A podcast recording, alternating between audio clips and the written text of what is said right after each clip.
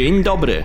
Okrąglutki jak kajzerka, 20 odcinek Alchemii podcastu o piwie wita swoich słuchaczy. Co w nim znajdziecie? Na początek, jak zwykle, molibdenowy Mateusz z garścią piwnych newsów. Następnie mój wywiad z Tomaszem Brzostowskim, czyli brodaczem z browaru Brodacz. A w laboratorium Olek Janek opowiedzą o utlenieniu piwa. Odcinek 20 będzie wyjątkowy. Nie tylko dlatego, że taki okrąglutki, ale także dlatego, że po raz pierwszy pojawi się w nim materiał promocyjny. Otóż Tomasz Brostowski pod wpływem fenomenalnego wywiadu postanowił zaprezentować swoją crowdfundingową zbiórkę na browar Brodacz, wspomagając przy okazji alchemię. Od początku wszyscy czterej nagrywający ten podcast ustaliliśmy, że będziemy otwarci na tego typu współpracę i wspomaganie alchemii, bowiem prowadzenie podcastu to także koszty nie tylko sprzętu, softu czy wykupienia platformy jak SoundCloud, ale także naszego czasu czy kosztów dojazdu. Możecie być spokojni, o każdej współpracy będziecie poinformowani. Jeśli więc macie jakąś działalność związaną z piwem, chcecie ją zaprezentować, wspomagając przy okazji alchemię, odezwijcie się do nas. A nawet jeśli nie jest to działalność związana z piwem, na przykład jesteście producentem środków na zatwardzenie albo rozwolnienie, hemoroidy, brzydki zapach z ust i innych części ciała, śmiało walcie do nas. To co, zaczynamy? Ja w dalszym ciągu nazywam się Przemek Iwanek i zapraszam Was do wysłuchania 20 odcinka Alchemii podcastu o piwie. Cześć Mateuszu. Cześć Przemku, witam Ciebie serdecznie i wszystkich słuchaczy Alchemii. Co dzisiaj nam opowiesz? Na początku jak zwykle z Polski, kilka wieści. A może pytanie najpierw do Przemku, do Ciebie. No już się boję. Czy Ty jesteś dumny, że jesteś Polakiem? Oczywiście, że tak. No dobrze, nie będę w takim razie drążył dalej, tylko przejdę do sedna. Jestem bardzo ciekaw, czy teraz polskie piwa koncernowe tak samo będą dumne, bo otóż y, to powstał znak pod tytułem Proudly Made in Poland, zaprezentowany przez Związek Browary Polskie oraz Polską Agencję Inwestycji i Handlu podczas kongresu 590. Jak podkreślają pomysłodawcy, logo Proudly Made in Poland zostało stworzone, aby promować rodzime, uwaga, polskie marki piwa. A ja się pytam w takim razie, która z firm z Wielkiej Trójki w Polsce jest polska? Fajne marketingowo, no bo y, podobnie też działają chociażby browary rzemieślnicze w Stanach czy y, w Belgii, natomiast y, ile jest w tym prawdy? No, zwykły konsument za granicą nie będzie tego wiedział, że to nie jest polski produkt tak naprawdę. Ja chciałem powiedzieć, że tylko polskie dobre piwo, ten znak tylko trafia do mnie. Tylko dobre polskie piwo? Ale nie znasz tego znaku? Średniej browary takie stworzyły sobie taki znak. A, faktycznie było coś A, takiego. widzisz, nie A to pamiętam. jest w ogóle nierozpoznawalne. Ciekawe jak będzie ten rozpoznawalny. No, skala pewnie zrobi jakieś znaczenie, natomiast czy to będzie prawdziwe? Za nami 16 kurs sędziowski PSPD, który Przemek organizuje od kilku edycji. Może Przemku wspomnisz, jaki był poziom wiedzy kursantom tym razem? No jak zwykle jestem bardzo, bardzo dumny z wszystkich kursantów, wszystkich nowych sędziów, bo mamy kolejnych 13 nowych sędziów. Szczęśliwa trzynastka. Szczęśliwa trzynastka. Naprawdę poziom jest dużo wyższy niż jeszcze parę lat temu i cieszę się, że doszliśmy do tego, że nasz egzamin jest właściwie najtrudniejszym no nie, może nie najtrudniejszym, ale na pewno trudniejszym od BJCP, więc mimo, że może mniej prestiżowy dla niektórych, bo wiadomo, zagraniczne zawsze lepsze, No też skala pewnie mniejsza. skala mniejsza. No oczywiście naszych sędziów jest 213, jak do tej pory. Natomiast y, cieszę się, że zrobiliśmy egzamin na tyle intensywny i na tyle trudny, że rzeczywiście sprawdzamy umiejętności i wiedzę, więc myślę, że nowi sędziowie nie będą przynosić wstydu. I co ciekawe, coraz większa chyba część kursantów to nie są ludzie wywodzący się tylko i wyłącznie z piwowarstwa domowego, ale teraz coraz więcej jest zgłoszeń e, od piwowarów, z browarów rzemieślniczych, dla których to jest jakiś wyznacznik chociażby na rynku pracy. No, być może tak, natomiast y, na pewno już od kilku edycji nie było, no chyba była z jedna osoba, która nie ważyła piwa w domu od, od kilku lat, natomiast y, pozostali wszyscy są piwowarami domowymi i rzeczywiście na każdym kursie jest co najmniej kilku piwowarów zawodowych oraz osób związanych z piwowarstwem w inny sposób. No właśnie, może już jak mówimy o kursie, to powiedzmy pokrótce, na czym w ogóle polega kurs sędziowski i co daje certyfikat? Bo wiele osób chociażby na fanpage'u PSPD zadaje takie e, pytania na naszym workplace, co daje kurs? No właściwie certyfikat nie daje nic oprócz sam certyfikat, natomiast kurs daje bardzo dużą wiedzę i umiejętności. Umiejętności oceniania piwa. Przede wszystkim, bo mm, było wiele pytań, ja się spotkałem z wieloma pytaniami. Czy kurs sędziowski pomoże mi lepiej ważyć piwa w domu? No nie pomoże. Może oczywiście pomóc w wychwytywaniu pewnych cech pozytywnych albo negatywnych w piwie, które się waży w domu, albo na przykład w dużym browarze rzemieślniczym. Natomiast warsztatu jako takiego nie poprawi. Nie no, kurs służy przede wszystkim temu, żeby wyszkolić sędziów, którzy będą oceniali piwa na konkursach. To jest pierwszy e, i najważniejszy punkt. Piw domowych i piw rzemieślniczych, dlatego że e, nasi Albo sędziowie... niekoniecznie rzemieślniczych, mogą być i koncernowe. Wszystko jedno, być piwa po prostu. Tak, dokładnie. Nasi sędziowie też sędziują za granicą, chociażby na European Beer Star, gdzie, są, gdzie jest przekrój od piw rzemieślniczych aż po wielkie koncerny. Przemku, ludzie też e, pytają bardzo często, mm, jak wygląda kurs, jakie są składowe kursu? Kurs przede wszystkim składa się z ćwiczeń w opisywaniu piwa, bo chcemy, żeby sędzia miał ten jak najlepiej wyćwiczony warsztat, żeby potrafił opisywać piwo, ale też jest całe mnóstwo wiedzy takiej merytorycznej, dotyczącej wad w piwie, dotyczącej co z czego wynika, skąd się bierze, po co w ogóle oceniamy, w jaki sposób i tak dalej, i tak dalej. Ja myślę, że może powinniśmy nagrać jakiś odcinek specjalny, co? O sędziowaniu. Bardzo chętnie. To może to zrobimy.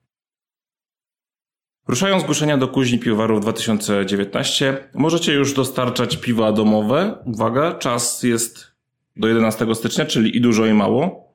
Bierzcie pod uwagę, że jeszcze są święta i Sylwester po drodze.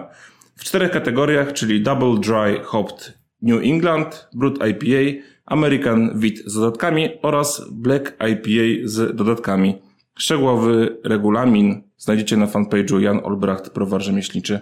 Powodzenia! No i znowu jest prywata, Mateuszu, spisek, znowu nam zostanie zarzucone, że się promujemy naszych kolegów. Spisek, ponieważ... Albo promujemy siebie. Siebie, ponieważ znowu będę tam ja w kuźni oceniał. Znowu, czy po raz pierwszy? Znaczy po raz pierwszy, ale znowu prywata, o to mi chodzi. Spisek, proszę Państwa, spisek. Wieści ze świata. Największy w Stanach browar rzemieślniczy, czyli Sierra Nevada, pomaga ofiarom pożarów, które nawiedziły północną Kalifornii kilka tygodni temu. Wypuścili specjalne piwo o nazwie Resilience IPA, czyli w dowolnym tłumaczeniu, jak sprawdziłem, zdolność zdrowienia lub wytrzymałość. Zdolność zdrowienia brzmi okropnie. Aby zebrać datki potrzebne dla poszkodowanych. Wśród nich było wielu pracowników i przyjaciół browaru. Szczytny cel i fajna akcja. Fajna akcja, ale pożary są katastrofalne. To są największe pożary w Kalifornii w historii. Nigdy jeszcze takich nie było. To są skutki niekorzystnych zmian klimatu i nie wiadomo trochę co z tym zrobić, bo pożary powtarzają się co roku. I o tym nasi kochani w Katowicach między innymi dyskutują. Raport Nielsena dotyczący miejsc, w których młodzi sięgają po piwo kraftowe.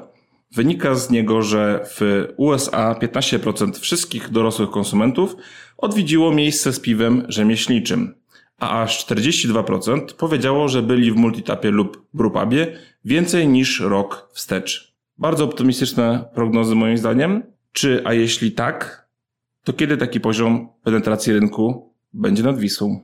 Dobrze parpa nie działa w Stanach, bo byłaby zdruzgotana. A teraz przechodzimy do tematu odcinka. Razem czy osobno? Czyli status polskich browarów rzemieślniczych.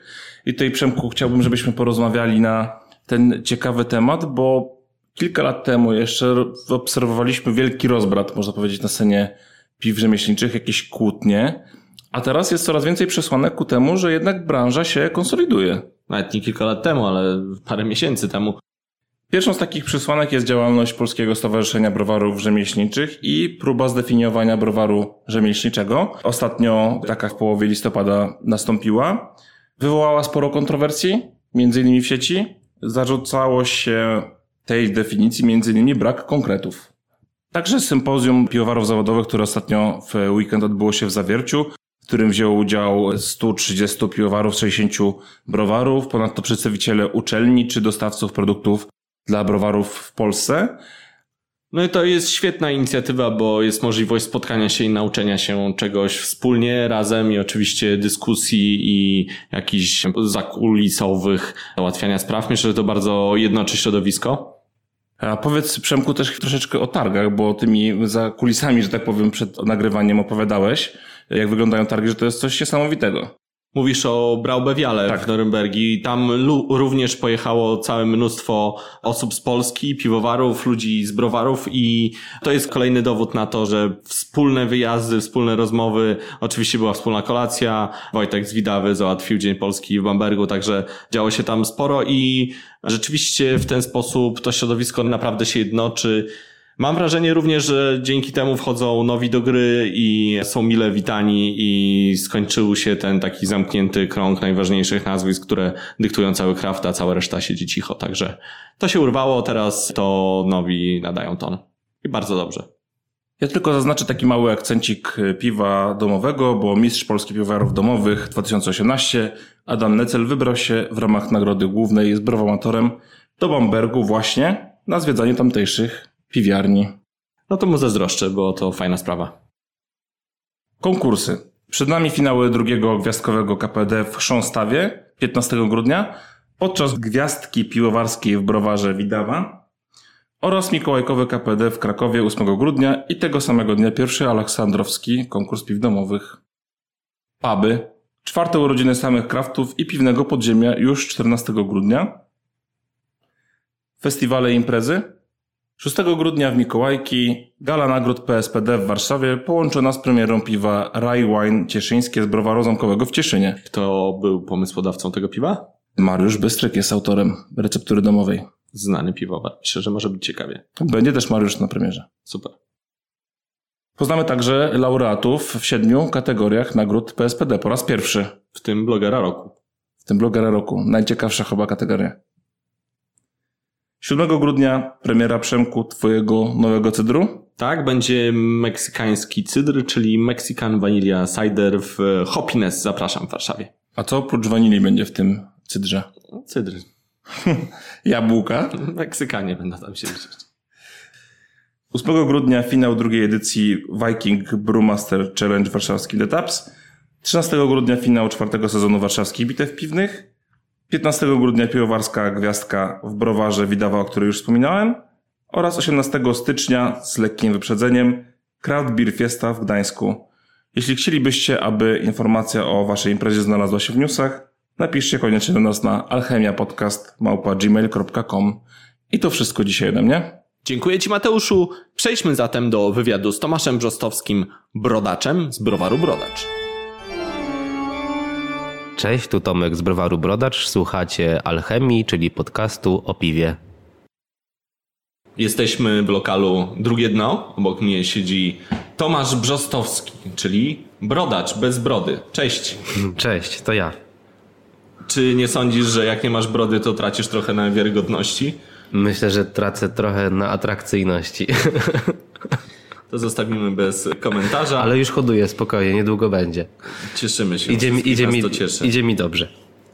Moim zamysłem było, żeby ten wywiad był klasyczny, czyli będziemy się poruszać po skali czasu, więc zaczniemy sobie od prehistorii, a dojdziemy do przyszłości.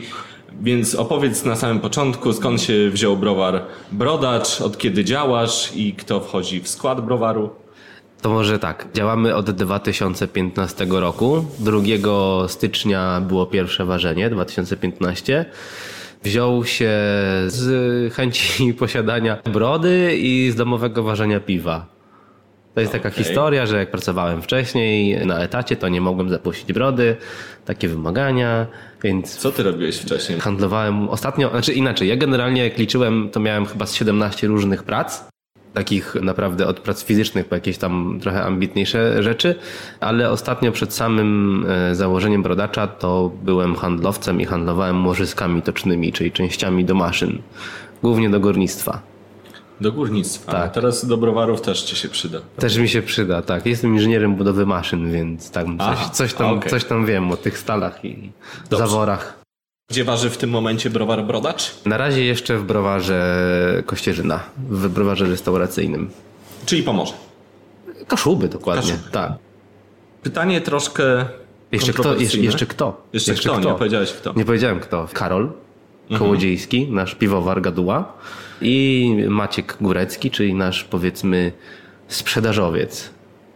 I to jest cały Na tę, chwilę, na tę chwilę to jest cały team. Aczkolwiek wiesz, gdyby policzyć wszystkie osoby, które biorą udział przy produkcji naszego piwa, no to pewnie zebrałoby się z 10 osób. Powiedz mi, czy imię Tomasz predystynuje do kręcenia afer w internecie, bo mnie to trochę zastanawia ostatnio. Nie wiem. Dlaczego? Muszę. Nie, nie czytałem żadnych horoskopów na, na ten temat. Jakoś tak, wiesz, dziwnie wychodzi, że... Może, może ta niepokorność trochę tam gdzieś wychodzi lekko. No to dobrze, to wrócimy jeszcze do tego. Mieliśmy zacząć od historii. Jakiś czas temu postawiłeś na dość niespotykany jak do tej pory w polskim krawciku marketing, to znaczy angażowałeś osoby, które bardzo mocno udzielały się w internecie. No influencerów masz na influencerów, myśli, tak. Osoby popularne. Kto tam był? Wiesław Szywka na przykład, Food Emperor, Miedczyński, Andrzej Rysuje, kogo pominąłem? Mm, właściwie chyba nikogo nie pominąłeś. No ostatnio z takich rysowników jeszcze to Magda Danaj była. Jakby idąc jakby tokiem Andrzeja Milewskiego, to Magda Danaj jeszcze. Czy ta współpraca ci się opłaciła? Generalnie myślę, że gdyby nie te wszystkie współprace, to nie bylibyśmy w miejscu, w którym jesteśmy w tej chwili. Pomimo jakichś różnych minusów, które mogły mieć, to myślę, że jednak więcej pozytywnego z tego wynieśliśmy, aniżeli negatywnego. Czy rzeczywiście wpływ influencerów był taki Był wiesz, znaczący, tak. i to pchało do przodu? Było widać, tak. Jak najbardziej. Rozpoznawalność, jakby y, szybkość sprzedaży na pewno. No na, na, na pewno no było widać dużą różnicę nie? w stosunku do jakby naszej regularnej działalności. No bo w pewnych kręgach internetowych staliście się browarem wyklętym, można tak powiedzieć. Brodacz był na cenzurowanym i część birgików w ogóle was za mocno nie szanowała. Czy nie było tak? Trochę przez te właśnie afery związane między innymi z... Znaczy, no chyba było tak. Wydaje, wydaje mi się, że było tak. Znaczy, no nie, nie będę zaprzeczał. Natomiast wiesz co, no, trudno jest mi się teraz do tego odnieść, bo minęły dwa lata i od naszej ostatniej takiej dużej współpracy może i było, no. Czy ten bojkot się przełożył na jakieś, nie wiem, negatywne wyniki finansowe albo cokolwiek? Nie, no negatywne wyniki finansowe nie, no wręcz przeciwnie. To jakby, znaczy może, znaczy nie wiem na ile sam bojkot, bo nie wiem, y, nie wiem na ile on był...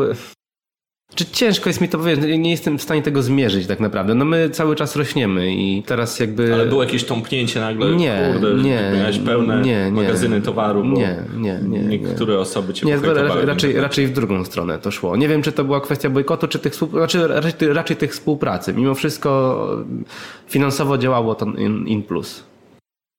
Powiedziałeś, że nie żałujesz tych wszystkich współpracy i tych afer, ale to może powyjaśniajmy trochę, co tam się działo z tym Wiesławem Przywką, bo chodziło o to chyba, że Mhm. to jest człowiek, który nadużywa alkoholu, tak? Tak, to były główne zarzuty, które tam gdzieś funkcjonowały, że jakby no, źle dobraliśmy osobę do, do współpracy. Ale to nie No ty go ja się- prawda? No nie, nie, jakby. Nie ty no nie, nie my, nie, dokładnie. Natomiast, no wiesz, no, z perspektywy czasu, no, no to może nie był najlepszy, najlepsza osoba do współpracy. Aczkolwiek, no z drugiej strony, patrząc na to, na, na niego jako po prostu na sympatyczną osobę z internetu, która ma bardzo, wiesz, zaangażowaną i dużą rzeszę fanów, no to generalnie było to z korzyścią dla nas. Ludzie nadal kojarzą, no jakby pamiętają jakby te akcje i raczej pozytywnie reagują. No bo negatywnie było odbierane to, że co, że osoba, która nadużywa alkoholu Znaczy jest tam nam waszą zarzucano, twarzą- że, że, my, że my promujemy, wiesz, też alkoholizm, No ale, dobra, ale tego i nie... właśnie. I no dochodzimy teraz do punktu. Czy jakikolwiek producent alkoholu, Mhm. który go promuje, nie promuje spożywania alkoholu? właśnie. Spożywanie na pewno. No tak, znaczy wiesz, no Czy naszą, nie naszą intencją... do tego, że ktoś może zostać alkoholikiem? No wiesz, ja też, ja no też tak, ty robisz, tak, ty robisz cydr, jasne. więc Znaczy, ja też jestem winny. Słuchaj, no wszyscy jesteśmy trochę winni, no w sensie no cały czas z tyłu głowy trzeba mieć tą odpowiedzialność, nie? Gdzieś zaklepaną, że okej, fajnie, że robimy alkohol tam wysokiej jakości i jakby wszystkim nam chodzi o to, żeby jednak promować kulturę jego picia, natomiast no z tyłu głowy zawsze cały czas mam też taką, e, wiesz, e, myśl, że kurczę, no to jednak jest alkohol i trzeba robić to odpowiedzialnie, nie? Dlatego też staramy się, no, uważać też, co robimy, nie? Czy czujesz się tym złym, że robisz alkohol na masową skalę? Doprowadzasz naród polski do alkoholizmu? Nie czuję się źle. Ja też się nie, Nie, czuję. źle. lubię spożywać ten alkohol, który produkujemy wszyscy. Nie, ale też nie przesadzam. Nie przesadzam. I myślę, że to jest klucz do tego. Jakby wiesz, wszystko jest dla ludzi, tak jak na pewno wiele osób zauważyło i zauważy. No ale trzeba znać gdzieś te granice swoje, nie? No, trzeba znać, bo to zostało stworzone, żeby z tego korzystać, bawić się, umieć się jakoś zrelaks- zrelaksować przy tym. Czy też może skorzystać, nie wiem, w jakikolwiek inny sposób, ale generalnie no trzeba mieć jakieś z tyłu głowy, że okej, dobra, to już jest moment, żeby przestać, nie? Dokładnie. Ja jeszcze na rozgrzeszenie producentów alkoholu powiem, że Jezus też zamienił wodę w wino, więc I za grubo jedziemy. to może o Food Emperorze będzie jeszcze grubiej. Co tam się stało, powiedz? Czemu on was pohejtował tak mocno? Nie zapłaciłeś. Nie, to no po prostu mieliśmy spór taki no wynikający z jakby niedotrzymania punktów współpracy, no. Mamy drugą aferę już. To nie nazwałbym tego aferą. To było jakieś e, takie, wiesz co, nieporozumienie, które po prostu w, w świecie jakby nie tylko przedsiębiorców, ale po prostu może fun no, funkcjonuje. No. Umówmy się, no tutaj akurat kwestie, e, jakby wchodziły kwestie finansowe i było to jakby B2B, ale generalnie wiesz, no myśmy byli cały czas gotowi do rozmowy, zarówno Food Emperor, jak i my, no to, to negocjowaliśmy tak naprawdę, nie? No w końcu jakoś tam to nieelegancko wypłynęło.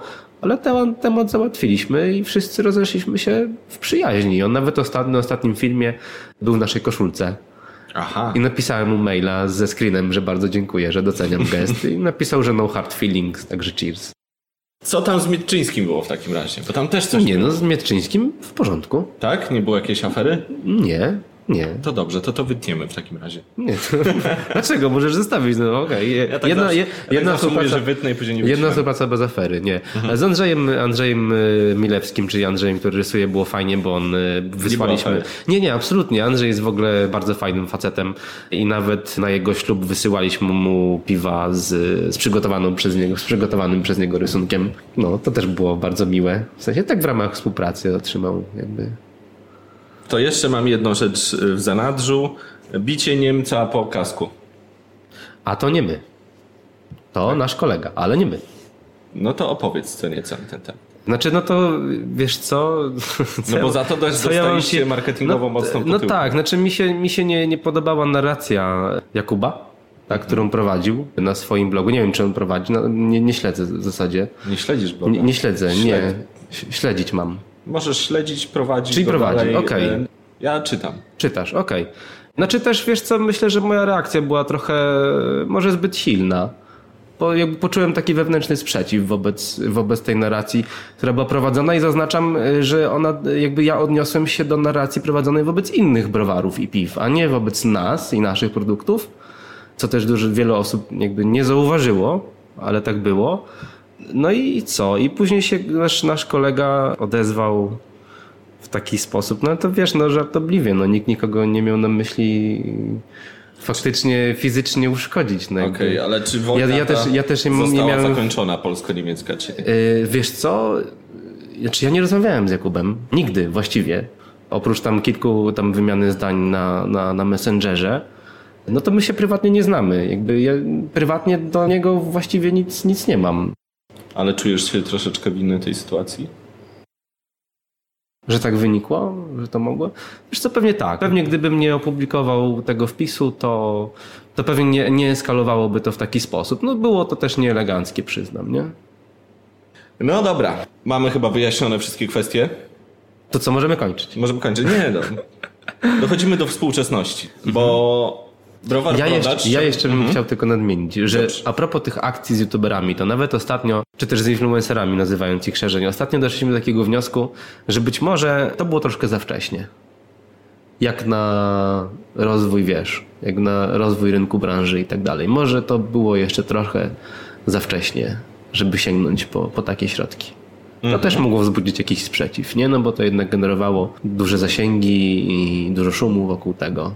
My też nie byliśmy bardzo znani Aha. jeszcze, wiesz, no jakby, no, tak wyszliśmy tak przed szereg trochę.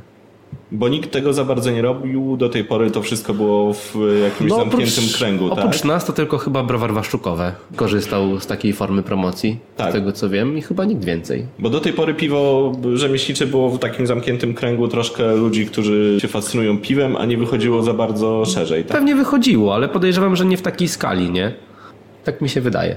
I tu nagle chyba ktoś dostrzegł, że ten marketing rzeczywiście... Znaczy wiesz, no to jest, jest to jakaś tam agresywna forma marketingu, no nie będę ukrywał, no bo to jednak generuje, tak jak powiedziałem, bardzo duże zasięgi. No ale czy jakby nie widzę w tym nic złego, tak? Jakby nie widzę nic złego w promocji fajnej marki produkującej fajne piwo, no. Przejdźmy dalej w takim razie. Dochodzimy do współczesności. Browar Brodacz nadal działa, rozwija się, piwa są moim zdaniem nie tylko chyba coraz lepsze, więc gonicie też jakościowo. Dbamy. Dbacie. Tu głównie zasługa Karola. Muszę, mu- muszę go pochwalić, jeżeli będzie słuchał. Mam nadzieję, że będzie. Karolu, bardzo dobra robota. Dziękujemy. Tomasz, przejdźmy dalej. Chcesz rozwijać swój browar i mówiliśmy w poprzednim odcinku o browarze Jastrzębie, który mm, ruszył z akcją crowdfundingową i ty też z taką akcją właśnie teraz będziesz ruszał, tak? Chcesz pozyskać środki na wybudowanie własnego browaru, nie mylę się? Troszkę inaczej. Przede wszystkim na samym początku tak naprawdę zbieramy na rozwój.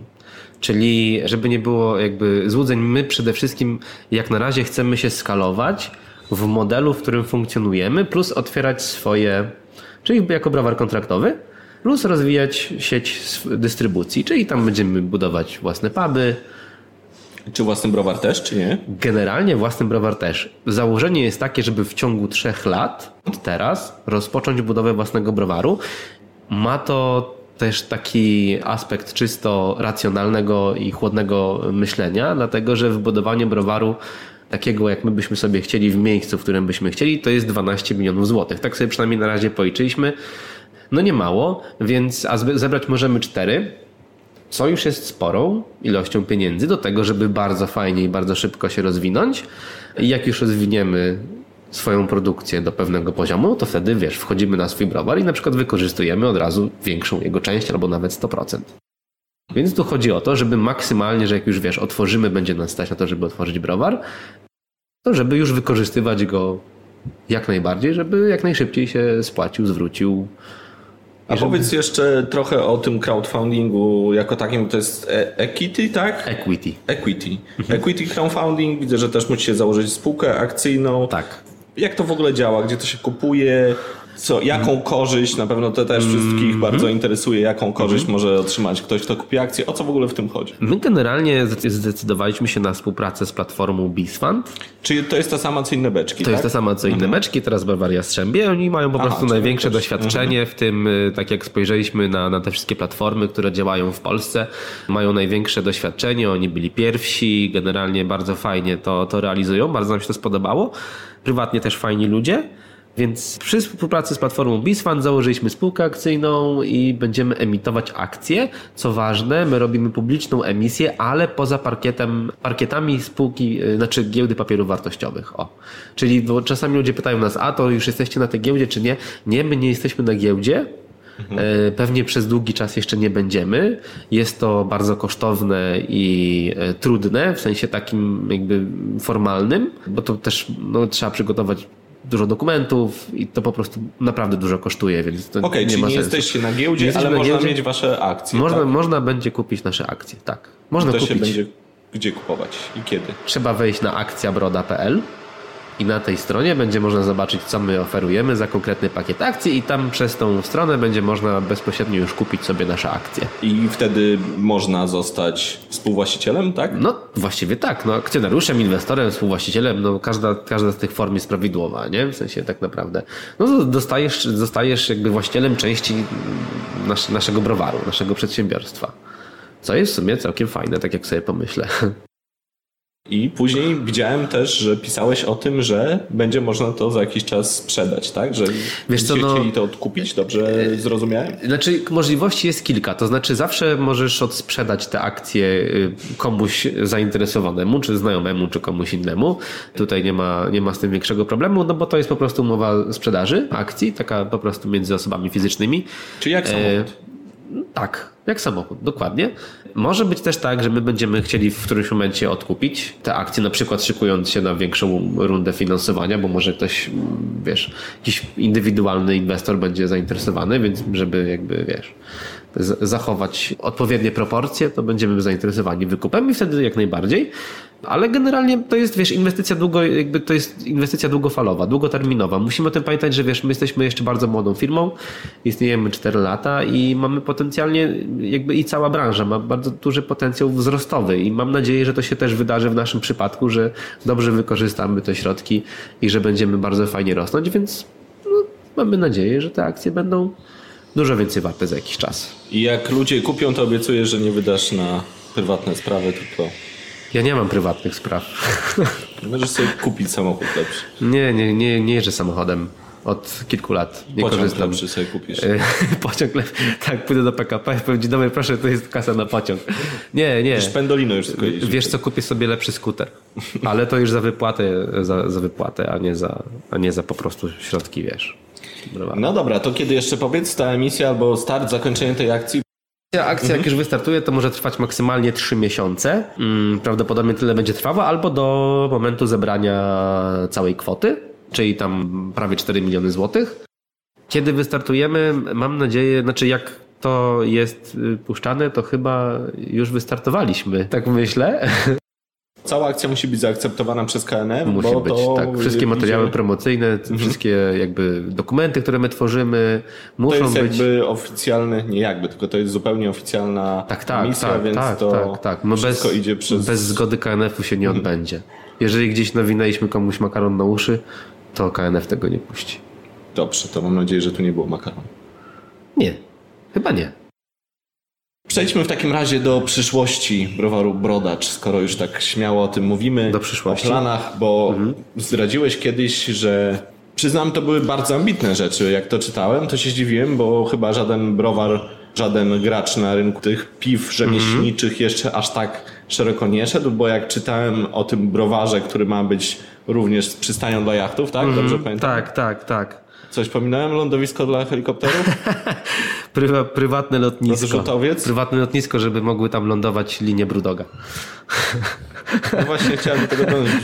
Brudok ma swój odrzutowiec. Ja, ja, czy stary, ja, ja, ja, ja podziwiam, ja podziwiam y, to, z jakim rozmachem oni działają, w to, w jakim tempie oni się rozwinęli, właśnie też dzięki equity crowdfundingowi. To jest niesamowite. Ja bym chciał być w takim miejscu, jak oni są za te kilka lat. Nie? No dobra, no ale ta przystań jachtowa, opowiedz, bo to myślę jest trochę interesujące znaczy, jednak. Okej, okay, no my generalnie no, mieszkamy nad, nad powiedzmy wodą, tak, nad Zatoką mhm. Gdańską, więc jakby korzystamy też z jej uroków i mamy do dyspozycji. Chcesz mieć gdzie parkować swój jacht? Nie mam jachtu. I pewnie jeszcze, jeszcze pewnie długo nie będę miał. Jeszcze pewnie długo nie będę miał. Pewnie nigdy nie będę miał, no bo nie czuję takiej potrzeby. Ale mamy do dyspozycji jacht. No Maciek jest żeglarzem i, i Maciek ma do dyspozycji jacht, z którego czasami korzystamy sobie, żeby popływać. I co? No i bardzo chcielibyśmy połączyć te aspekty. W sensie no chcielibyśmy, żeby pod nasz browar można było po prostu przypłynąć, zacumować, przyjść odwiedzić, wiesz, wypić piwko.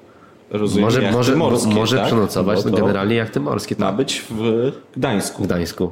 Tak, chcemy postawić browar w Gdańsku. I zależy nam na to, żeby postawić go faktycznie w dobrej lokalizacji, czyli gdzieś w tym powiedzmy tym dolnym, jak to się mówi, do, dolnym tarasie Gdańska jakoś tak? W ja sensie nie jestem Gdańska. Poniżej, no poniżej obwodnicy, nie? Tam, tam, gdzie się da łatwo dotrzeć.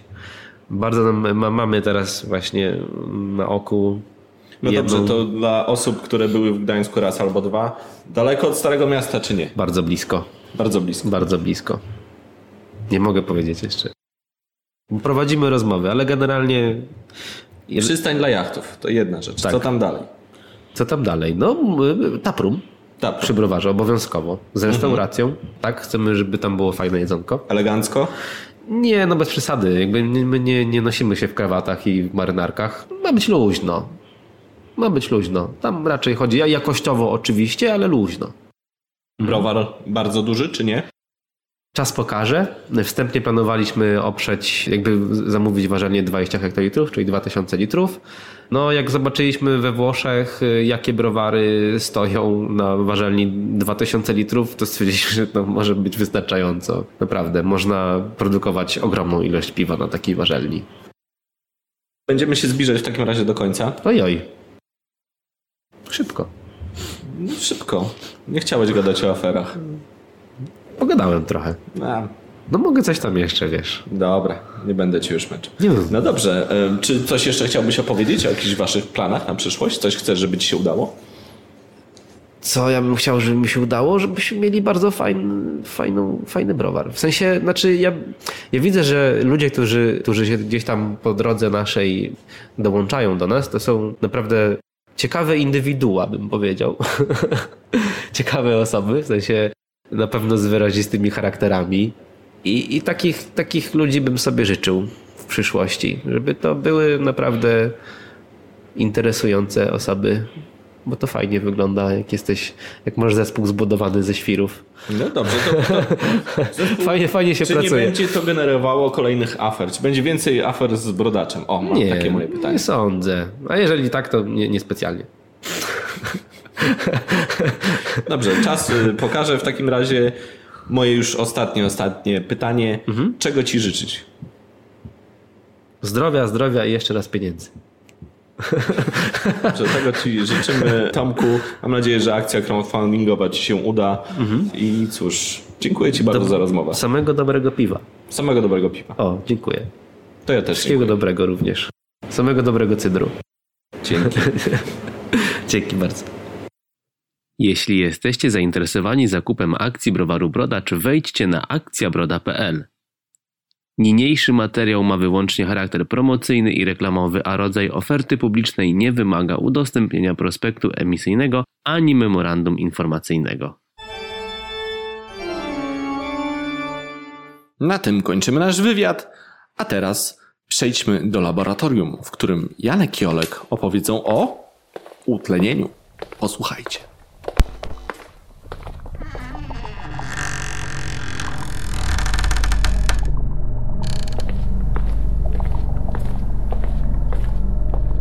Siemanko, witam w mojej kuchni. Cześć. Z tej strony Olek Janek z browaru Monsters. Cześć, cześć. Witamy Was w już 20 odcinku Laboratorium. Dzisiaj będziemy rozmawiać o utlenieniu i mamy nawet plan przygotowany. Nawet mamy scenariusz, tak. Znaczy zawsze mamy scenariusz, ale dzisiaj o nim powiemy, czego mamy. Więc scenariusz wygląda tak, że najpierw powiemy sobie, czym jest w ogóle utlenienie, o co, o co w tym wszystkim chodzi. Później przejdziemy sobie przez proces cały produkcji piwa, w którym momencie e, natleniamy brzeczkę, kiedy brzeczkę i piwo, kiedy to jest pozytywne, kiedy to jest negatywne. E, To będziemy pewnie przeplatać troszeczkę z tym, jak zapobiec przy okazji e, temu utlenieniu i damy jakieś tam praktyczne protipy, co zrobić, żeby to, to piwo było mniej, na, mniej natlenione i mniej się utleniało później w procesie leżakowania. Później omijemy, omówimy sobie prawie wszystkie, albo przynajmniej te najczęściej występujące wady, w stylu tam mokry karton, zapach miodowy, omówimy sobie jak to pachnie, z czego to wynika, że to powstaje i jak się ewentualnie tego pozbyć mm, z piwa. E, Może nie tyle pozbyć, o ile uniknąć. No i na końcu sobie powiemy, czy, czy jakie są różnice między utlenianiu piwa a starzeniu piwa. To co, No, zaczynamy? więc e, tak, więc zaczynamy, można powiedzieć, cykl o wadach piwa. Nie wiemy, jaka będzie kolejna wada, znaczy wada. No wady, można powiedzieć. Tak, tak, tak, piwa. dobrze myślę. I nawet nie wiemy, czy to będzie w kolejnym odcinku, sobie będziemy decydować na bieżąco, no ale w każdym razie postanowiliśmy po tym, jak nam ludzie zaczęli pisać, że fajnie by było, żebyśmy o takich rzeczach wspominali, no to postanowiliśmy, że taki cykl zaczniemy. No i Tak, tym bardziej, że jesteśmy sędziami, więc troszeczkę nam jest łatwiej e, o tym powiedzieć pewnie, nie? Tak, tak. No więc y, czym jest utlenienie z punktu widzenia sensorycznego i jak ono się objawia w piwie? No najczęstszy chyba, jeżeli wziąć pod uwagę konkursy piw domowych, to najczęściej pojawiająca się wada w piwie to jest jakoś, nie, jakiś mokry karton, czy jakieś papierowe aromaty takie, a, no i miód, miód po prostu z powodu utlenienia właśnie taki, no miód. Po prostu. Mhm, To są takie chyba dwie najczęstsze, najczęstsze zapachy, dwa najczęstsze zapachy. No i sos sojowy jeszcze, tak? Ja Tak, w ciemnych piwach rzeczywiście Ciemnych sos sojowy sos sojowy. Ale to nie wiem, powiedz mi, czy tobie się to często zdarza na konkursie, żeby było utlenione piwo? Tak, tak. Ja myślę, że ja w Tak? ogóle tak właśnie chciałem zmierzać do tego, że moim zdaniem e, wady wynikające z utlenienia to jest drugie pod względem najczęstszego występowania po mm, wadach wynikających z fermentacji. To Mhm. utlenienie moim zdaniem jest na drugim miejscu. Ja, Okej. ja jeszcze dość, wiesz co, ja jestem dość wyczulony na na przykład na e, mokry karton Aha. e, i ja go czuję dość często w piwie. Miód no to każdy chyba mniej więcej wyczuwa tak samo. Natomiast no, no moim zdaniem często się pojawia utlenianie. Okej. Okay. No dobrze, no i, i tak naprawdę, no i sensorycznie to tak jak powiedzieliśmy, to jest, to będzie głównie mokry karton, który na przykład przeze mnie jest odczuwany jako aromat starej książki. E, tak, taki... no bo to. No, no. Wiesz co, no, sensoryka generalnie polega trochę na tym, że, że każdy musi sobie znaleźć ten swój e, deskryptor, tak? tak? Skojarzenie, które co, coś mu przywodzi na myśl. Więc u każdego to będzie pachnieć trochę inaczej. Na przykład, albo może opowiem o tym później, jak będziemy już przy tych wadach, to, to nie będę teraz przedłużał. No okej, okay, więc ten mokry karton, miód i e, sos sojowy. I to są właściwie e, wady, które z, tych, z tych trzech dwie wynikają z, z tego, że, że piwo się starzeje, a, a jedna to jest e, właściwie natlenienie jakieś. Chociaż w sumie też mokry karton wynika z tego, że że zachodzi utlenianie chemiczne, utlenianie związków chemicznych obecnych w, w piwie.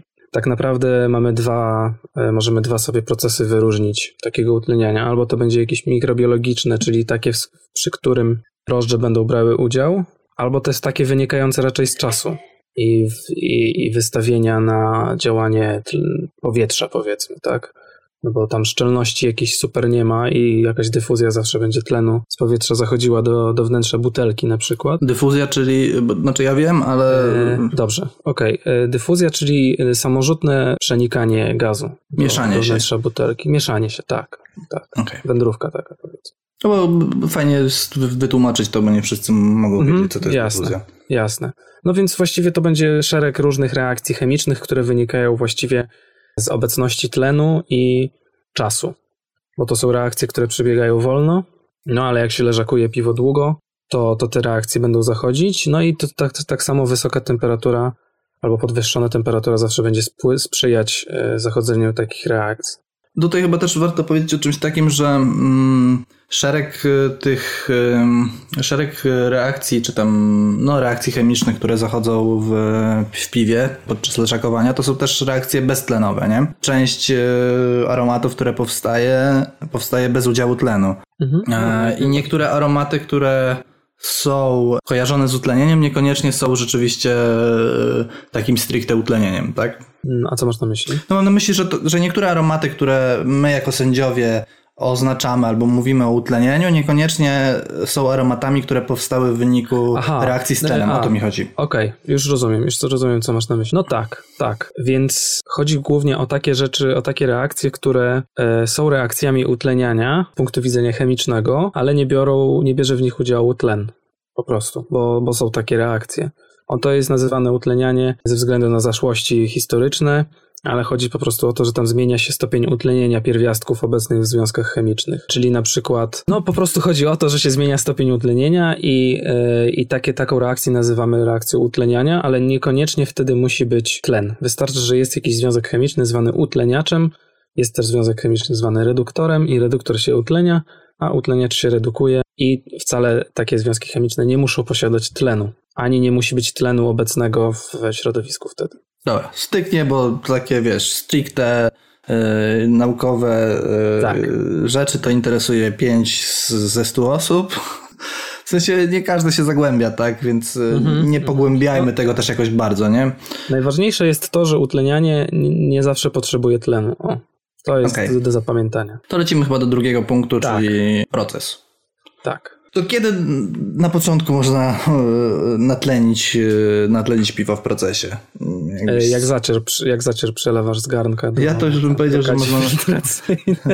Też, no tak, tak, tak. A ja bym jeszcze powiedział, że w ogóle nalewając wodę do garnka pewnie się ją natlenia, samą wodę, nie? No, no tak, tak.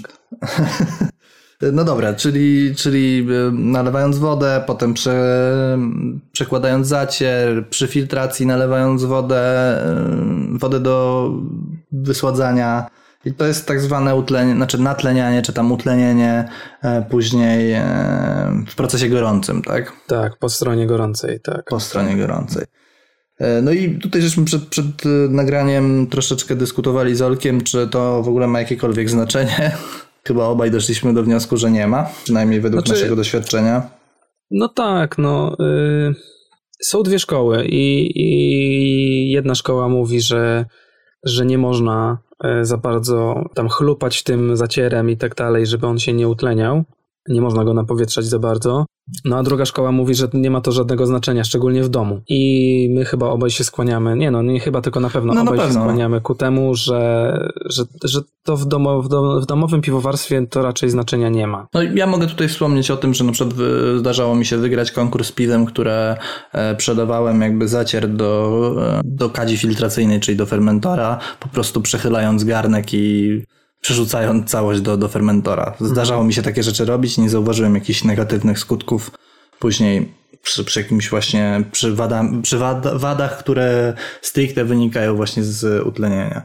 Także słuchajcie, jeżeli, znaczy to nie jest trudno uniknąć tego natlenienia, tak? Albo zminimalizować go, więc radzimy pewnie nie natleniać, ale też nie przykładać do tego jakiejś tam zbyt dużej wagi, nie? Tak, tak. No, znaczy, jak ktoś chce sobie powolutku przykładać spokojnie, to nie ma problemu. Tylko my po prostu nie będziemy tego robić w naszych domowych browarach i już, no. Dobra, to mamy gorący e, Tak, proces. Mamy, mamy proces gorący i teraz ważniejszy, zimny. Zimny, tak. Schładzamy brzeczkę i I wtedy trzeba utlenić, znaczy natlenić właściwie. to jest jedyny moment, kiedy tlen jest naszym przyjacielem właściwie. Tak, tak, tak. E, Czyli przed więc zadaniem drożdży sobie- albo po zadaniu drożdży. Tak, no i, i tutaj oczywiście gdybyśmy zostawili tą brzeczkę bez drożdży, to ona rzeczywiście by się utleniła wtedy po jakimś czasie, to prawda.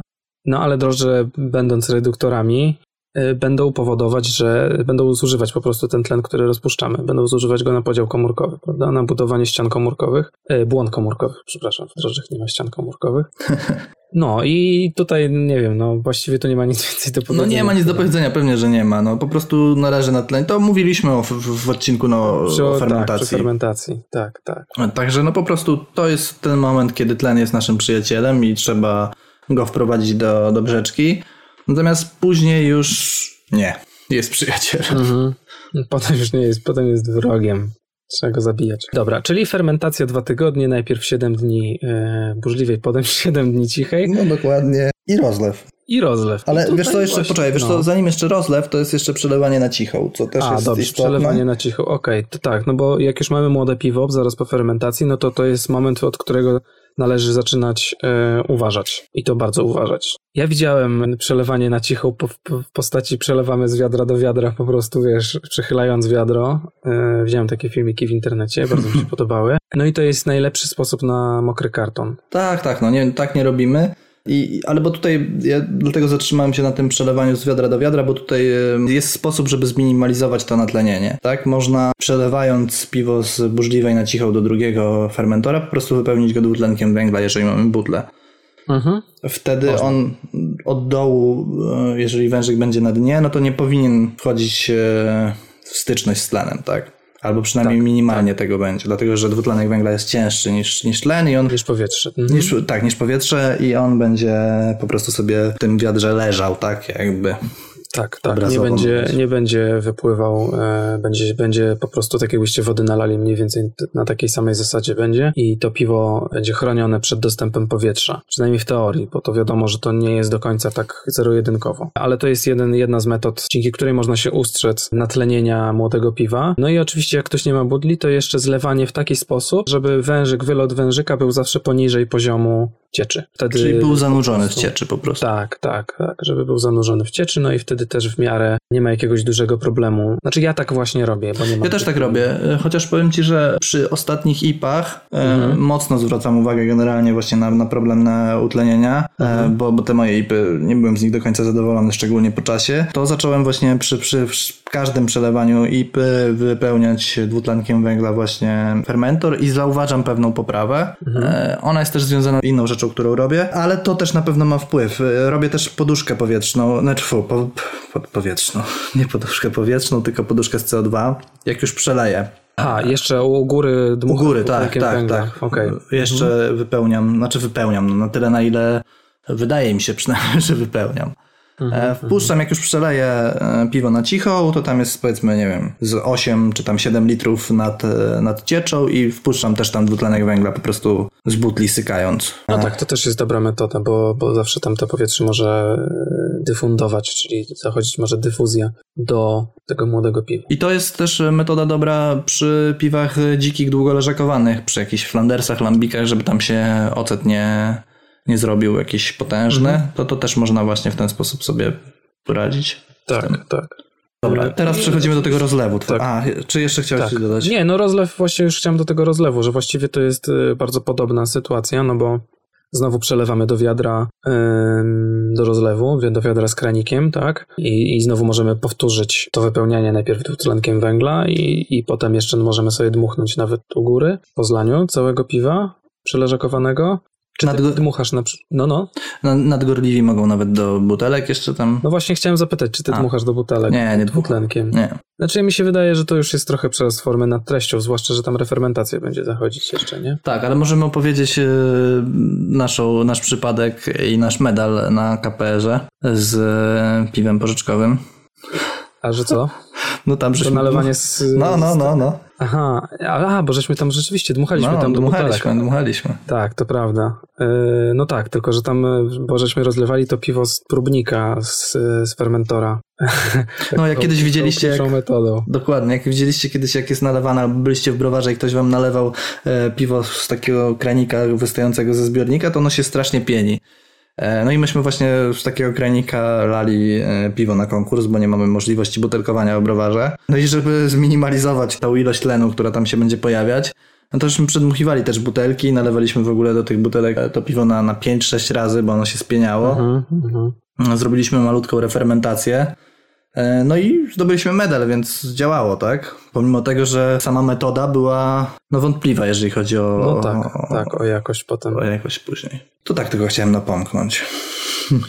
No dobra, czyli butelkowanie i, i, i, i aha, no i możesz powiedzieć, yy, czy nie chcesz jeszcze mówić o tym swoim, yy, tej swojej metodzie. A, może, znaczy to nie moja metoda, no to jest metoda pod, podpatrzona też na No, no forach. dobrze, to, różnych, ale taka, taką, taka, którą ty stosujesz, o której przed chwilą mówiłeś, ale nie zdradziłeś o co chodzi. Tak, tak. No bo można jeszcze użyć witaminy C, czy- czyli kwasu askor- askorbinowego do rozlewu, który jest przeciwutleniaczem. Tak? Tak. No ja wolę słowo reduktor, no ale... O, okej, reduktor. może No widzisz, ja właśnie czekałem na to twoje, wiesz... No bo nie ma czegoś takiego jak przeciw... No, no, no, no. przeciwutleniacz w chemii. Dlatego ja, mów, dlatego ja mówię przeciwutleniacz, a ty mnie poprawiasz, to właśnie Aha, temu aha, służy wszystko, nie? Rozumiem. Więc ja dodaję po prostu na 10 litrów ostatnio, znaczy jeszcze eksperymentuję trochę z dawką, ale wydaje się, że 2 gramy na 10 litrów tego kwasu askorbinowego rozpuszczonego razem z cukrem e, do refermentacji daje dość dobre efekty. Na pewno daje świetne efekty, jeżeli chodzi o kolor piwa. On w ogóle nie ciemnieje. W tych piwach, które, które zrobiłem przez 3 miesiące e, od pierwszego rozlewu z kwasem askorbinowym, piwo jest tak samo jasne, jak było. Mhm. Więc tutaj na pewno się nie zmienia. Aromat się zmienił, natomiast zmienił się troszeczkę inny sposób. To nie jest e, połączenie miodu ze starzeniem chmielu, czyli takim lekko landrynkowym aromatem, tylko to jest, e, to jest zanikanie aromatu chmielowego i jego jakość e, tego, tego aromatu tylko troszeczkę się pogorszyło moim zdaniem. A na pewno nie tak jak w moich poprzednich hipach, gdzie po półtorej miesiąca właściwie piwo było już e, no słabe po prostu. No. Tak teraz to piwo, które było 3 miesiące temu zabutelkowane, naprawdę wypijam ze smakiem w domu, więc, e, więc jest duży postęp. Okej, e, to zadam pytanie, które się może pojawić Mhm. w imieniu słuchaczy. Czy piwo na przykład nie jest kwaśne przez to? Bo to jest kwas. Nie jest to, czy kwaśne. w ogóle czy wyczuwalna jest w smaku ta witamina C? Wydaje mi się, że jak dałem 3,5 grama e, do któregoś piwa, to, ale to na zasadzie autosugestii też trochę, no bo wiedziałem, że ta, ten kwas askorbinowy tam jest i miałem taki mm, no taki lekki posmak właśnie witaminy C, taki jak e, Tabletkowy taki. tabletkowy taki, ale nie taki tabletkowy w sensie ta z czego jest ta otulina e, w kapsułce zrobiona? Z glukoza Z tak? żelatyny zwierzę. No z żelatyną, to nie chyba tak, glukoza albo żelatyna, tak? Tak mi się wydaje, albo jakaś mieszanka glukozy z, e, Mhm. z żelatyną. E, I ona jest taka, taka kisielowaty jest ten smak trochę. To nie taki, tylko taki jak już, e, jak zsiemy witaminę C i po, po same chwilę, to później się pojawia taki lekko sztucznawy, cytrynowy e, smak. No to może delikatnie to, to było czuć, ale to też na, na zasadzie autosugestii. Znaczy nikt inny tego nie wyczuwał, kto pił to piwo. Mm, Natomiast mi się wydawało, że tam delikatny posmak jest. Przy dwóch gramach już nie było tego. A gdzie to kupić? Ja kupiłem I, na ile, Allegro. ko- I ile kosztuje? E, Za kilogram, bo kupiłem kilogram, e, zapłaciłem chyba 21 zł. Starczy Okej, mi to, to jest na bardzo, e, bardzo, bardzo. No tak, to czekaj, przy dwóch gramach na 10 litrów, tak? No, To Nie no. starczy ci to na 500 warek. No, więc właśnie. Czyli to jest dobra metoda na to, żeby, żeby uniknąć tego utlenienia, e, które jest oczywiście ważne głównie przy piwach chmielowych. E, Tak, tylko, no. tylko jeszcze chciałem słowo o tym, jak to działa, bo e, dla dociekliwych. No więc witamina C jest reduktorem, czy tam kwas askorbinowy e, i to działa tak, że zamiast związki chemiczne obecne w piwie się utleniać, które trochę trudniej się utleniają, to ta witamina C wyłapuje utleniacze i sama się utlenia po prostu, e, nie zmieniając e, dzięki temu smaku piwa, tak? Czyli ona jest, działa trochę jak taki, jak taki e, obrońca, Odkurzacz. można powiedzieć. Odkurzacz, o, jak, o, to jest bardzo dobre porównanie. Działa jak odkurzacz. Zamiast e, kot, e, który miałby zeżreć e, jakieś nie- niedobre rzeczy z podłogi, no to odkurzacz je, je szybciej sprząta, prawda? I dzięki temu kot nie jest chory. Ja jeszcze jedną rzecz chciałem dodać a propos, nie a propos odkurzacza, tylko a propos e, witaminy C. Jakby wam przyszło do głowy wrzucać rutinoskorbin do butelek albo coś w tym stylu, to nie róbcie tego. To, to nie jest dobry pomysł. Głównie ze względu na to, że tam właśnie jest ta Znaczy, bo tam jest ze skrobi jest zrobione. ze skrobi. Są. No, to, to, To jest, bo to wpływa na smak. Są, no tak, no bo tabletki są robione ogólnie tak, że tam macie tą swoją substancję czynną i ona, przez to, że tam jest na przykład jej 5 mg, a tabletka waży pół grama, no to tą resztę trzeba czymś wypełnić i zwykle się to robi skrobią po prostu zwykłą, z jakiegoś tam, no skrobią po prostu. I na skrobi nie chcemy mieć w piwie, bo skrobia z kolei e, w gotowym piwie sprzyja e, psuciu się piwa. Także kupujcie czystą witaminę C i wrzucajcie czystą witaminę C, jeżeli oczywiście chcecie. Tak? Czy No tak, tak, tak, tak, No tak, tak. Myślę, że możemy lecieć dalej. Tak, ale tylko chciałem jeszcze wspomnieć o jednej rzeczy, że to utlenienie jest kluczowe, bo o tym nie powiedzieliśmy, z punktu widzenia piw chmielowych przede wszystkim. Dlatego, że te że piwa chmielowe są najbardziej podatne na, na utlenienie. E, IPy na przykład najszybciej się psują poprzez utlenianie, tak? I tu płynnie, żeby przejść do, do kolejnego punktu. Tak, e, bo jeszcze tak myślę, że może byśmy powiedzieli o, o procesie leżakowania, bo w sumie to też Ach, jest jakiś proces, e, który żeśmy rację. pominęli, a który też ma Dobrze. wpływ. Okej, czyli poczekajcie z tym płynnym przejściem, to jeszcze za chwilkę. Tak, leżakowanie też jest kluczowe rzeczywiście w procesie e, robienia piwa. E, No i tutaj, tak jak ja powiedziałem na początku, bardzo ważna jest temperatura leżakowania. No bo temperatura, podwyższona temperatura sprzyja zachodzeniu reakcji chemicznych, w sensie przyspiesza reakcje chemiczne, bo dostarcza, dostarcza się energię, no a, a każda reakcja chemiczna potrzebuje energii do tego, żeby zajść. Więc należy się starać po prostu trzymać te piwa we względnie niskiej temperaturze. Dokładnie, im niżej, tym lepiej, tak na dobrą sprawę. Tylko nie poniżej zera, No, prawda? No tam e, Wiadomo.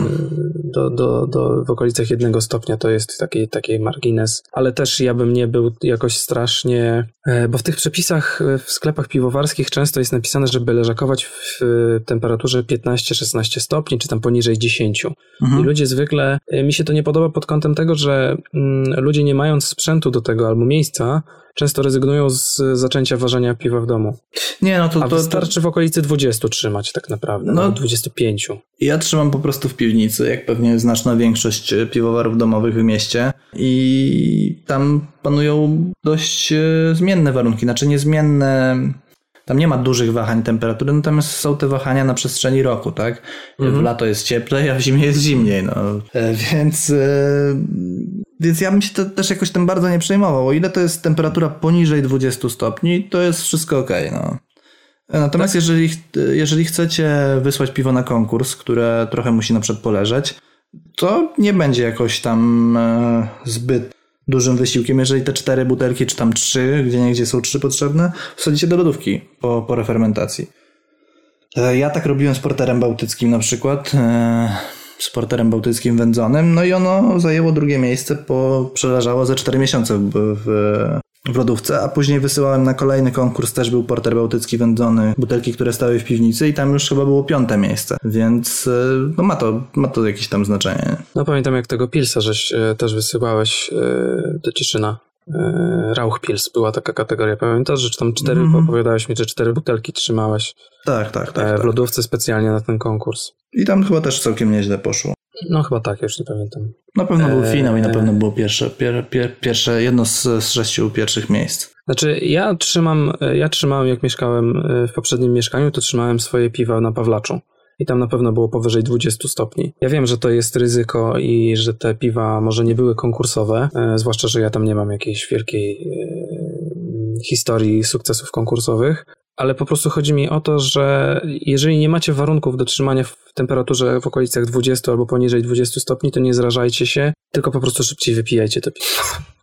No tak, tak, tak. no to jest coś za coś po prostu, tak? No, dopóki to nie jest powyżej 30 stopni, to, to dramatu na pewno nie będzie. Ja się z tym zgadzam. No. E, generalnie trzeba dążyć do jakiegoś tam ideału, ale jak nie ma możliwości i pewnych rzeczy nie, nie możemy przeskoczyć, no to robimy tak, jak, takie, jakie mamy warunki. No. Tak, tak, tak samo tak, można, wiesz, fermentować piwo w, w, mieszkaniu, ono będzie mocno estrowe, ale można zrobić też na przykład sezona i dostosować jakiś e, styl do, do warunków, tak? Tak samo mhm. tutaj jest to samo, no.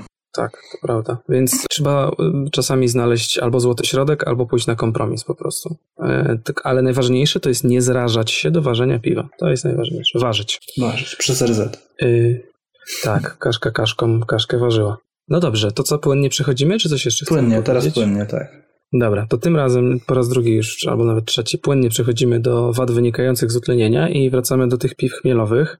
Czyli mamy na początku, ja wiem, że ty miałeś e, inne trochę założenia, no, ale już trzymajmy się tych chmielowych piw. No i jak mamy te nasze chmielowe piwa, IPy, jak ktoś pił starą IPę, to na pewno wie, o czym e, będziemy mówić, tak? Bo wtedy aromat staje się taki słodki, taki, e, ty to opisujesz jako landrynkowy, prawda? Mi się, mi się najbardziej to kojarzy z landrynkowym.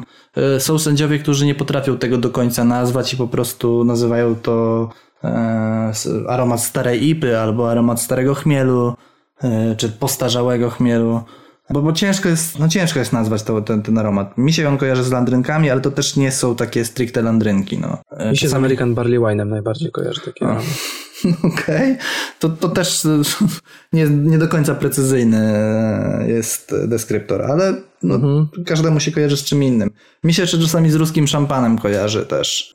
Czasami estry tak pachną, ale to utlenienie, utlenienie chmielu pachnie właśnie też czasami tak troszeczkę inaczej ruskim szampanem. No. Znaczy to jest taki, taka słodowość, tylko cukierkowa, taka, taki miód, nie, nie miód, tylko cukierki oblane miodem, Coś takiego. Taki bardzo słodki aromat w każdym razie. Lekko tam zaznaczone są jakieś owoce, w sensie, że to są landrynki owocowe. Tak. Nie, no tak, tak, tak, dobrze, do, dobrym tropem No, idziesz, coś, no, coś, coś tak w tym stylu, prawda? No i coś takiego się pojawia. No i na przykład tam ta witamina C, mm, jak widać po Janko doświadczeniach, może pomóc w uniknięciu takiego, pojawienia się takiego aromatu bardzo szybko. Tak, no dokładnie, no, bo, on, w końcu się kiedyś pojawi, ale, ale, ale chodzi o to, żeby jak najdłużej um, uniknąć tego, e, tego aromatu. On w tym moim trzymiesięcznym piwie już się pojawił, natomiast nie jest tak nachalny jak zwykle był. No. Jest mhm, taki mhm. dużo delikatniejszy i... Znaczy to piwo nie jest lepsze niż było dwa miesiące temu, tak? Natomiast e, wciąż da się je ze smakiem wypić i nie jest męczące, nie jest mulące przez to, no, przez ten aromat, bo ten aromat potrafi być naprawdę taki słodko mulący, że bierzesz dwa łyki i po prostu nie chcesz tego pić, no. A jak jeszcze to wystąpi z przegazowaniem, no to już w ogóle jest nie do picia to piwo, moim zdaniem, tak? tak? Znaczy szwagrowi pewnie będzie smakowało, no. Zlać wszystko do, do, ten, do bańki, dodać bretów i czekać. To jest moje rozwiązanie na wszystkie bolączki. Dobra, jakie mamy jeszcze wady wynikające z utlenienia? E, do zutlenienia. No, ja bym powiedział o tej miodowości. No, powiedzieliśmy trochę o tym, ale, ale to jest moim zdaniem najczęściej występujący problem. No. Tak, w jasnych piwach. W lagerach na przykład. No to... W lagerach, tak. W lagerach, które leżakują. No, wydaje mi się, że to po prostu zbyt wysoka temperatura leżakowania często. Najczęściej pewnie, jeżeli chodzi o lagery, zbyt wysoka albo, albo sposób refermentacji. Ostatnio generalnie ja mam problemy z moimi lagerami, że one są lekko estrowe. Nie są jakoś bardzo mhm. estrowe, ale lekko estrowe są. E, a nie są estrowe najczęściej w momencie butelkowania. I jakiś czas temu chyba Czesław mi podpowiedział taką, e, taki tip mi dał, żeby przeprowadzić refermentację ekstraktem słodowym. Że w zbyt dużej temperaturze proste cukry które będą fermentowane przez drożdże lagerowe, po prostu dadzą estry. A jak dodamy im jakichś bardziej skomplikowanych, to ten proces zajdzie, Aha, troszeczkę wolniej. Tak, mhm. i, i one będą, będą po prostu mniej estrowe. Tak na marginesie teraz sobie przypomniałem a propos lagerów. E, natomiast no utlenienie miodowe w lagerach najczęściej. No wipie to jest też okropny aromat po prostu, który zupełnie, zupełnie nie pasuje do, do całej reszty. Natomiast są też style, których ten miód nie będzie jakoś bardzo przeszkadzał, nie? W jakichś słodowych, e, typowo słodowych e, stylach. No tak, tak. W jakimś sensie- koźlaku na przykład to nie będzie jakiś dramat, nie? Znaczy nie mówię, No że to nie. będzie smaczne, ale będzie na pewno mniej wyczuwalne niż w VIP-ie. Znaczy, gdyby zrobić na przykład takiego Helesa e, albo desitkę, która będzie trochę miodowa, ja bym pił coś takiego. Okej. Jako miodowe piwo, w sensie w kategorii Aha. miodowy lager, to bym pił. Jak, piłbym jak szalony. E, Okej. Znaczy, ja lubię ten aromat. W, ten. Pamiętam, że kiedyś w którymś grodziskim e, z Pinty był, był, taki, był taki aromat i pamiętam, że mi smakowało. Znaczy, to nie było grodziskie, oczywiście nie było to stylowe grodziskie, ale fajne było to piwo. Znaczy wiesz co, no tutaj też może warto byłoby powiedzieć, że bo ogólnie rzecz biorąc aromat miodu aromatem przyjemnym, tak? Większość Tak. ludzi lubi ten aromat. Natomiast trzeba tutaj dodać, że ten aromat e, miodowy, e, który wynika z utlenienia, jest wadą w piwie, to to nie jest taki super przyjemny miód. To jest taki, taki lekko sztucznawy miód, no. No, tak, ale taki... to głównie chyba ze względu na intensywność, mam wrażenie. Mi się, wydaje, że, Bardzo- mi się wydaje, że jego charakter też jest trochę inny. Ja to tak odbieram, że Okej. to nie jest taki, Mhm. jakby postawić obok miód i, i powąchać, to on jednak pachnie trochę inaczej i przyjemniej zwykły miód. A tutaj jest Mhm. taki, no ja bym powiedział chemiczny, czego ty nie lubisz, no ale taki sztucznawy, no, sztucznawy Mhm, po prostu. mhm. Okej. No a jak miód, to mokry karton. Mokry karton. Bo mam wrażenie, że to są takie właśnie, że albo może pójść to utlenienie w przyjemne nuty miodowe, albo w nieprzyjemne Kartonowe. przepraszam, kartonowe. E, tak. No i, i mokry karton rzadko do kogo trafia. Jest taki trochę legendarny aromat, którego nikt prawie nie czuł. E, Tak, on jest bardzo trudny do wyczucia. Dla mnie na przykład był mega trudny do, do poznania. Ja go słabo wyczuwam. No, mo- mocno wypromował go na pewno e, Tomek. Tomek, bo Tomek chyba to kojarzy po prostu z mokrym kartonem. Ja kiedyś kogoś zapytałem, jak, e, jak pachnie i smakuje mokry karton, to wiesz, jaką odpowiedź otrzymałem?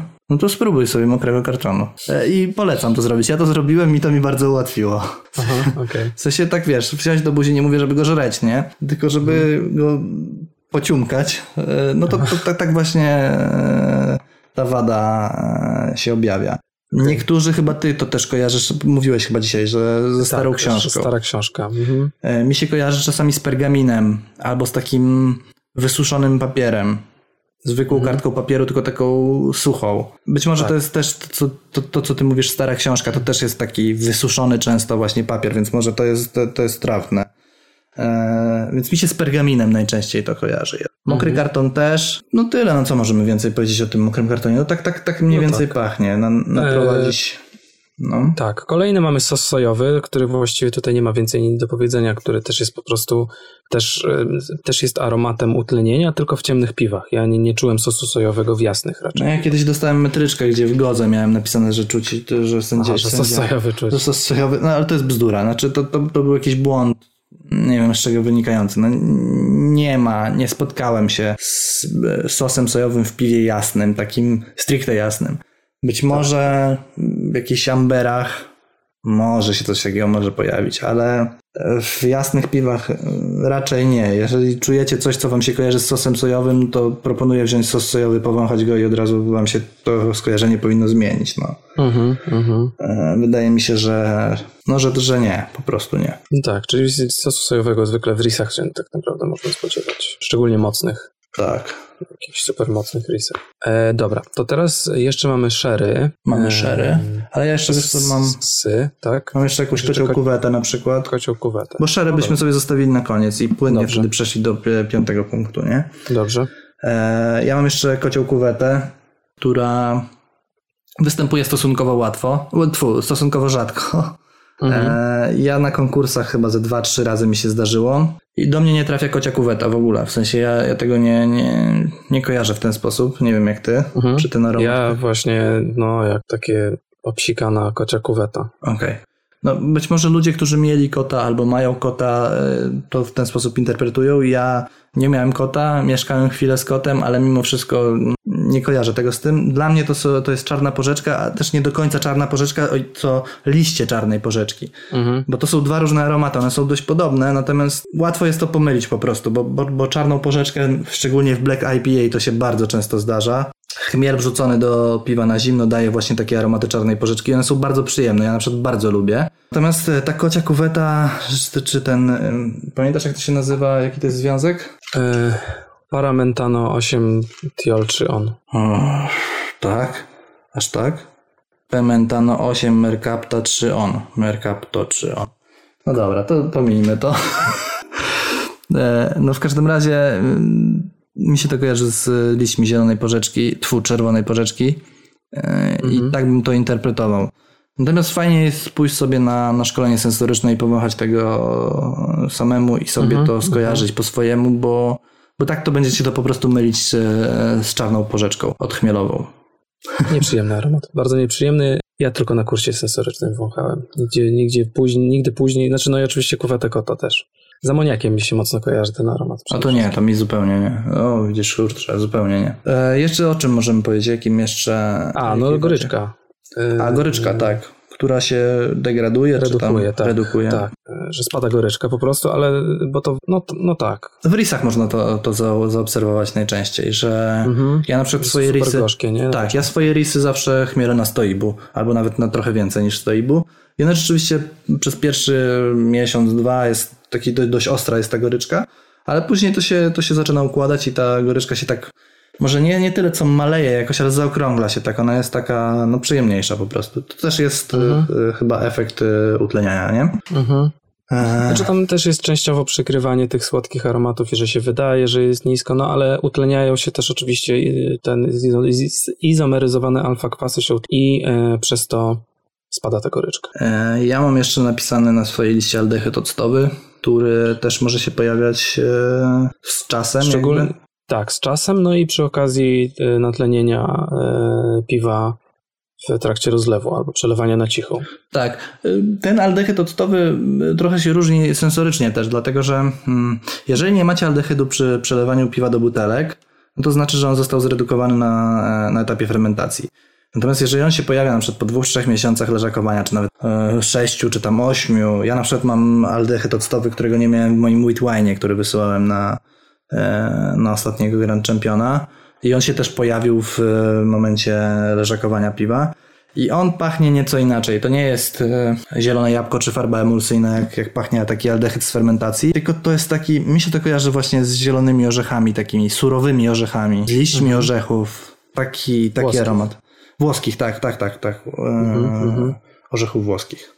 To jeszcze chyba już, nie, już chyba wszystko. A jeszcze mam napisane o, o jakichś estrach, które się też redukują, szczególnie w Znaczy, no to, wajcenach. e, aha, no tak, że w wajcenach się edukuje, redukuje banan. Tak, tak, tak. Octan izoameru, tak?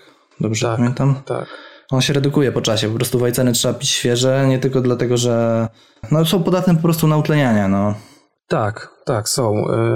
Znaczy i tutaj właściwie przy okazji tych estrów możemy już y, Dobra. płynnie przejść do tego sherry. Mhm. E, Bo to, są, bo to się wiąże jedno z drugim e, i to jest częściowo to, o czym ja mówiłem na początku, o różnicy utleniania z tlenem e, do utleniania bez tlenu. I to ma związek z tym, że po prostu mamy w naszym piwie, mamy oprócz etanolu inne alkohole, dłuższe, cięższe alkohole o dłuższych łańcuchach. I przez to, i, i one też mogą ulegać reakcji estryfikacji, czyli tworzenia nowych estrów. I, czyli w piwie w, w czasie może zachodzić tak zwana transestryfikacja. Mogą się tworzyć, mogą e, rozpadać się estry, które były obecne wcześniej w piwie i tworzyć się nowe z innymi alkoholami. I w, takim, w taki sposób właśnie powstają nuty sherry, e, czy tam e, śliwek suszonych albo wiśni suszonych, poprzez po prostu tworzenie się nowych estrów z dłuższymi alkoholami, bo one właśnie będą miały takie jakieś wiśniowe, śliwkowe nuty wnosić, czy tam to sherry na przykład, tak? No i to wynika już ze starzenia piwa i z utleniania się mm, beztlenowego powiedzmy, tak? Bardzo E, ładnie, Orku. Bardzo ładnie. Dziękuję, dziękuję. Mam nadzieję, że to jest zrozumiałe. Jak Dla nie mnie było. zrozumiałe, to Dla musicie było. doczytać sami. E, wiesz co, to, teraz pewnie mamy jakby wszystko, tak? Już e, ja bym tak, Mhm. tak e, spróbował spiąć to klamrą.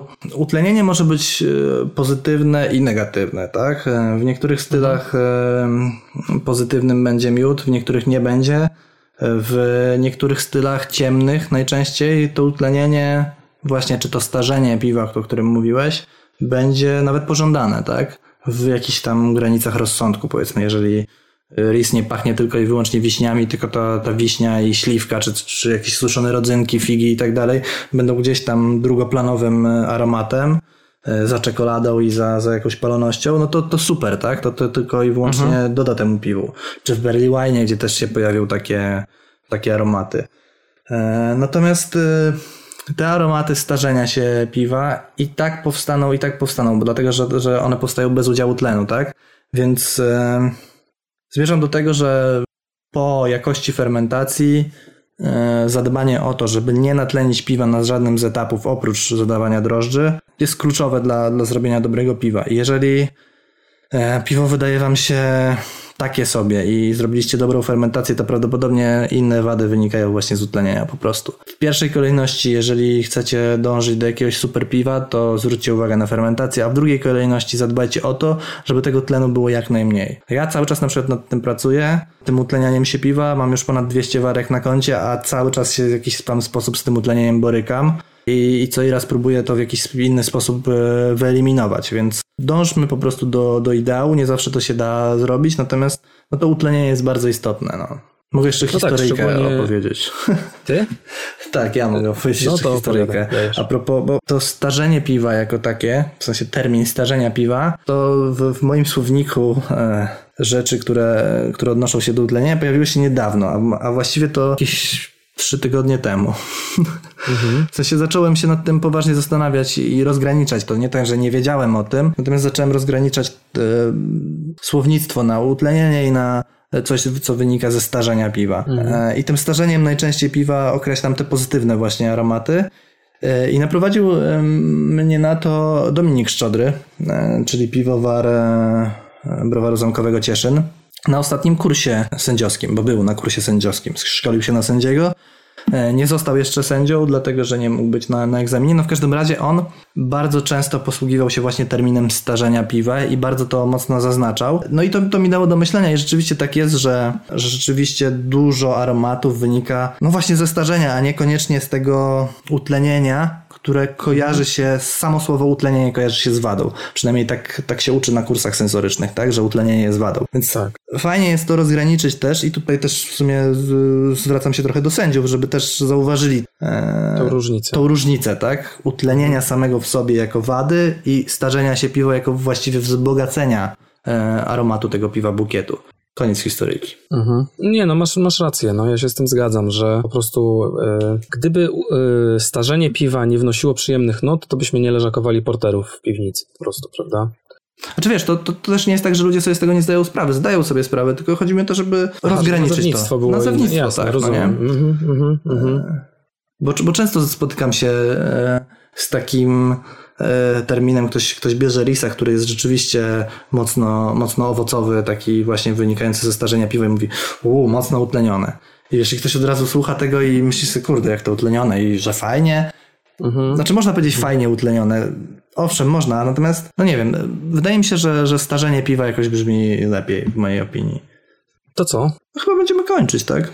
Będziemy kończyć. No słuchajcie, bardzo nam y, smutno z tego powodu musimy kończyć, ale oczywiście słyszymy się w y, kolejnym odcinku.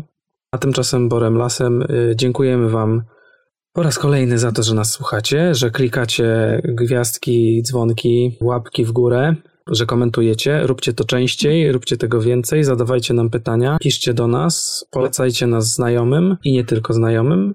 Żegnają Was Aleksander Hurko. Dziękuję. Janek Gadomski. Dzięki. Do usłyszenia. Cześć. Cześć. A i pozdrawiajcie Przemka Iwanka. I to już wszystko w dzisiejszym 20 odcinku Alchemii podcastu o piwie. Jak za każdym razem zachęcamy do subowania, subskrybowania, lajkowania, serduszkowania, udostępniania, pisania komentarzy. Odzywajcie się do nas, chętnie odpiszemy. Do usłyszenia. Cześć. Pa.